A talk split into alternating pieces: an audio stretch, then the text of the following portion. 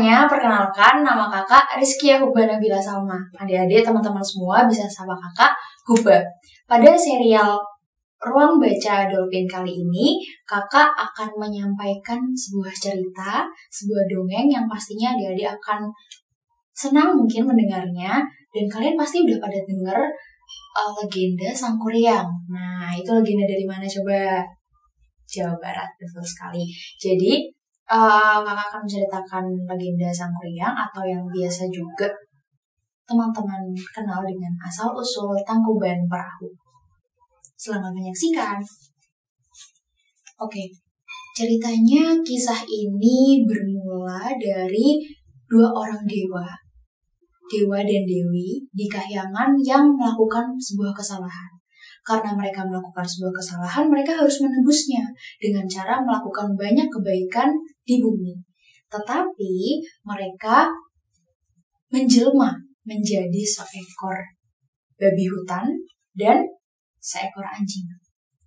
Sang dewi menjelma menjadi seekor babi hutan, sedangkan sang dewa menjelma menjadi seekor anjing yang bernama Tumang dan seekor babi hutannya bernama Wahyunghyang. Nah, Seekor babi hutan ini melakukan banyak kebaikan untuk menebus kesalahannya di hutan. Sedangkan Tumang melakukan kebaikan untuk menebus kesalahannya dengan mengabdi pada uh, seorang raja bernama Sumbing Perbangkara. Raja Sumbing Perbangkara gemar sekali berburu. Pada suatu hari ketika ia sedang berburu, tiba-tiba saja ia ingin sekali buang air kecil. Nah, tapi tanpa sengaja air kencingnya tertampung di sebuah batok kelapa. Dan beberapa saat kemudian datanglah Wahyu yang yang tak lain adalah jelmaan Dewi tadi dan meminum air kencing sang raja. Dan tanpa sengaja, tanpa diketahui oleh keduanya, Wahyu yang atau seekor babi hutan ini mengandung seorang anak. Nah, siapakah anak itu? Ternyata anak itu adalah Dayang Sumbi. Ceritanya begini. Beberapa bulan setelah Wahyu yang mengandung, Sang Prabu kembali lagi ke hutan untuk berburu. Dan pada saat yang bersamaan, ternyata Wahyu Hyang atau seekor babi hutan tadi sudah melahirkan anaknya. Dan ternyata anaknya adalah seorang bayi perempuan yang sangat cantik. Nah, ketika sedang berburu, tiba-tiba sang raja mendengar suara tangisan bayi. Wah, suara siapa itu ya? Sepertinya harus aku cari. Nah, setelah dicari, ternyata benar ada seorang bayi yang tidak ada orang tuanya. Kemudian melihat sang bayi ini tidak ada yang merawat, akhirnya Raja Sumi Perbangkara memutuskan untuk membawa pulang sang bayi dan merawatnya. Sang bayi perempuan tersebut tumbuh menjadi gadis yang sangat cantik bernama Dayang Sumbi ini. Kemudian eh, setelah ada yang Sumbi remaja, dewasa, ternyata banyak sekali yang menginginkan Dayang Sumbi ini untuk dijadikan istri oleh pangeran, raja, dan banyak lelaki lainnya. Hingga terjadi peperangan di mana-mana hanya karena kecantikan Dayang Sumbi.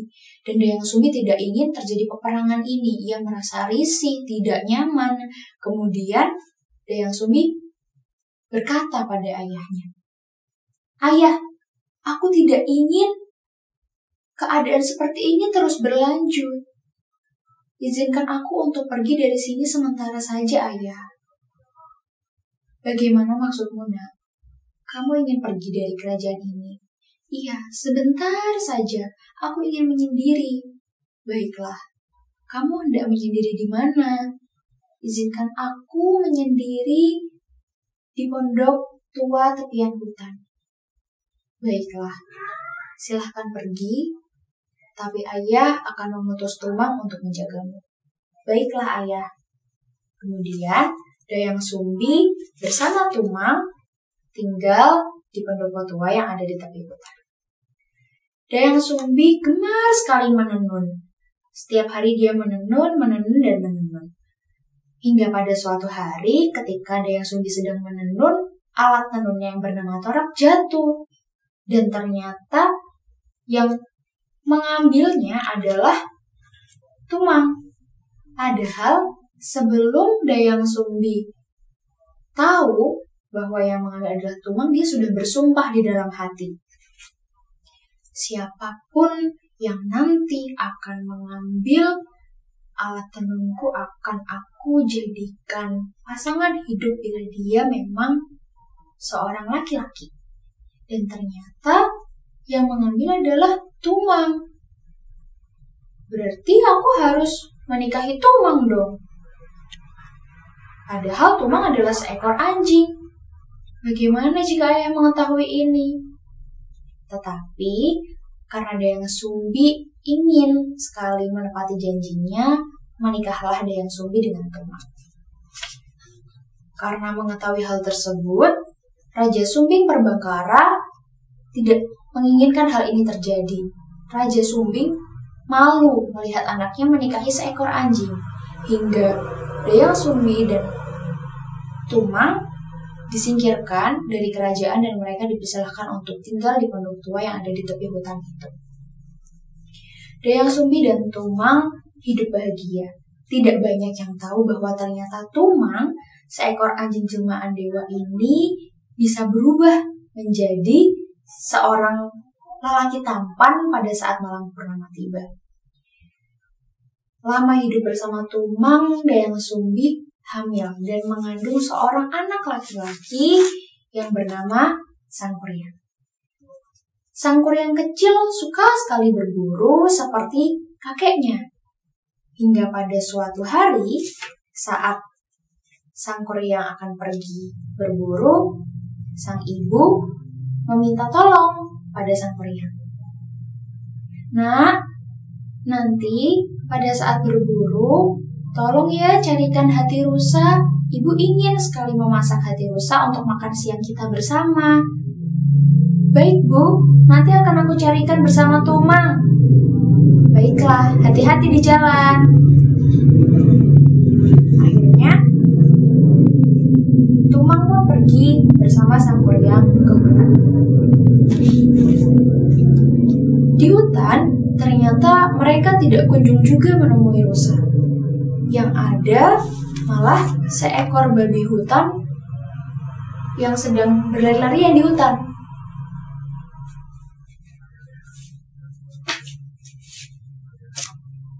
Tumang, itu ada seekor babi hutan.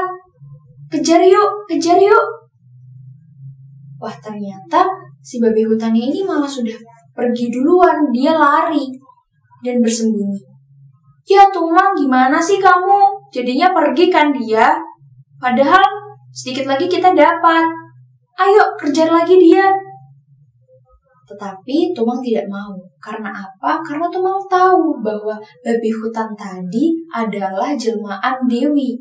Yang tidak lain adalah Wahyung Hyang. Karena Tumang tidak mau menuruti perintah Sang Kuryang, akhirnya Sang Kuryang kesal. Dan tanpa sengaja, dia melepas busur panahnya dan mengenai Tumang. Seketika Tumang pun tewas. Tanpa berpikir panjang, Sang Kuryang mengambil hati Tumang dengan rasa sedikit menyesal juga tentunya dan membawa hati Tumang ke ibunya, Dayang Sumi. Ibu aku pulang. Iya, gimana nak? Dapat hati rusanya? Dapat, ini ibu, silakan jika ibu mau memasaknya. Baiklah, akhirnya Dayang Sumbi memasak. Pada saat makan siang, setelah selesai makan siang, Dayang Sumbi bertanya pada Sang Kuryang, Ke mana Tumang? Sang Kuryang pun bingung menjawabnya. Tapi terpaksa Sang Kuryang harus jujur. Dan Sang Kuryang pun jujur pada ibunya. Uh, uh, bu, maafkan aku, Tadi Tumang tidak sengaja mengenai busur panahku dan dia tewas. Hatinya sudah aku berikan pada ibu. Apa? Berarti hati yang tadi ibu masak itu hatinya Tumang? Kurang ajar sekali kamu sang kuryang. Kamu tidak tahu siapa dia. Karena merasa sangat marah dan kecewa, Dayang Sumbi memukul kepala sang kuryang menggunakan sentong nasi. Dan kepala sang kuryang pun terluka. Karena merasa sakit hati, sang kuryang pergi dari rumah. Setelah beberapa saat sang kuryang pergi, Dayang Sumbi baru menyesali perbuatannya. Hah, apa yang sudah aku lakukan? Aku sudah mengusir anakku sendiri. Bagaimana dia saat ini? Karena Dayang Sumbi merasa sangat menyesal dan berharap anaknya baik-baik saja, dia pergi ke gua untuk bertapa. Pada saat bertapa, Dayang Sumbi ternyata dikaruniakan kecantikan dan uh, awet muda. Dia awet muda hingga sampai kapan pun dan siapa pun yang melihatnya tidak tahu usianya yang sebenarnya. Tahunya Dayang Sumi adalah seorang gadis cantik. Hingga pada suatu hari, Sang Kuryang telah tumbuh menjadi seorang anak yang tampan. Nah, Sang Kuryang besar, Sang Kuryang dewasa sudah memiliki banyak sekali kesaktian. Dia sudah berguru pada berbagai orang yang sakti, bahkan dia sudah menaklukkan berbagai makhluk halus, guriang-guriang, sehingga dia menjadi tuan dari makhluk-makhluk halus itu. Hingga pada suatu hari, sang kuryang bertemu dengan Dayang Sumbi. Siapa gadis itu? Cantik sekali. Dan Dayang Sumbi pun melihat sang kuryang dan merasa sang kuryang ini seorang laki yang sangat tampan. Kemudian mereka saling bercengkrama dan akhirnya jatuh cinta. Dayang Sumbi pun memiliki perasaan yang sama seperti sang Kuryang yang menyayangi Dayang Sumbi. Ketika mereka memutuskan untuk menikah, Dayang Sumbi mengiyakan. Tetapi suatu hari ketika Dayang Sumbi hendak membenahi ikat kepala sang Kuryang, ia melihat ada bekas luka yang sangat jelas di kepalanya. Luka apa ini? Sepertinya aku mengenalinya. Setelah diamati lagi, ternyata sang Kuryang adalah anak Dayang Sumbi. Seketika Dayang Sumbi berusaha menjelaskan apa yang sebenarnya terjadi. Namun sang Kuryang tidak percaya. Aku ibumu, nak. Bukan, mana bisa gadis cantik sepertimu adalah ibuku. Tidak bisa, kita tetap harus menikah. Untuk mengakali pernikahan mereka supaya tidak terjadi, Dayang Sumbi memberikan syarat kepada sang Kuryang. Baiklah, jika engkau ingin menikahiku, ada satu syarat. Apa syaratnya? Akan aku lakukan. Syaratnya adalah buat danau beserta perahunya dalam satu malam. Apakah kau sanggup? Tentu saja sanggup. Baiklah, kita lihat saja nanti. Akhirnya Dayang Sumbi pun memisahkan Sang Kuryang untuk melaksanakan syarat-syaratnya. Pada saat pengerjaan perahu dan danaunya hampir selesai, Dayang Sumbi panik. Bagaimana bisa? Itu semua sudah hampir selesai. Oh iya, aku baru ingat. Sang Kuryang kan menakluk guriang-guriang makhluk halus itu. Pasti dia meminta bantuan pada mereka. Aku harus melakukan sesuatu. Akhirnya, Dayang Sumbi pun melakukan sesuatu. Dia bertapa, dia memohon pada Sang Hyang Tunggal untuk membantunya menggagalkan semua rencananya Sang Kuryang. Dayang Sumbi mulai menebarkan kain-kain tenunannya di arah timur dan ternyata benar, doanya dikabulkan. Kain itu bercahaya dan suasana tampak seperti pagi hari. Ayam-ayam jantan pun berkokok dan sang kuryang merasa bahwa ia telah gagal. Apa-apaan ini? Kenapa semuanya tiba-tiba menjadi pagi? Sepertinya baru saja aku memulainya.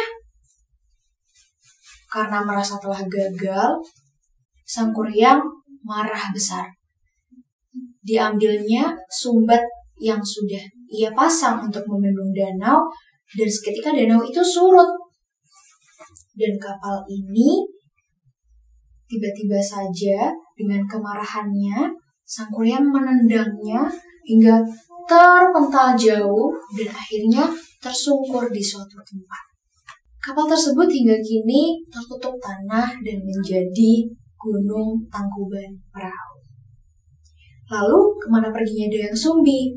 Nah, Dayang Sumbi dikejar oleh Sang Kuryang, namun Sang Kuryang tetap tidak menemukannya. Karena apa? Karena ternyata Dayang Sumbi sudah memohon kepada Sang Yang Tunggal untuk dirinya diselamatkan dan ternyata Dayang Sumbi berubah menjadi bunga jaksi. Sang Kuryang pun tetap mencari Dayang Sumbi hingga akhirnya ia tersesat di alam gaib. Nah, Sekian adik-adik teman-teman untuk cerita legenda Sang Kuryang asal-usul Tangkuban Perahu ini. Semoga teman-teman mengerti apa yang kakak sampaikan. Semoga teman-teman semua adik-adik memahami apa maksud dari cerita ini. Nah, coba ada yang bisa memahami apa pesan yang ingin disampaikan?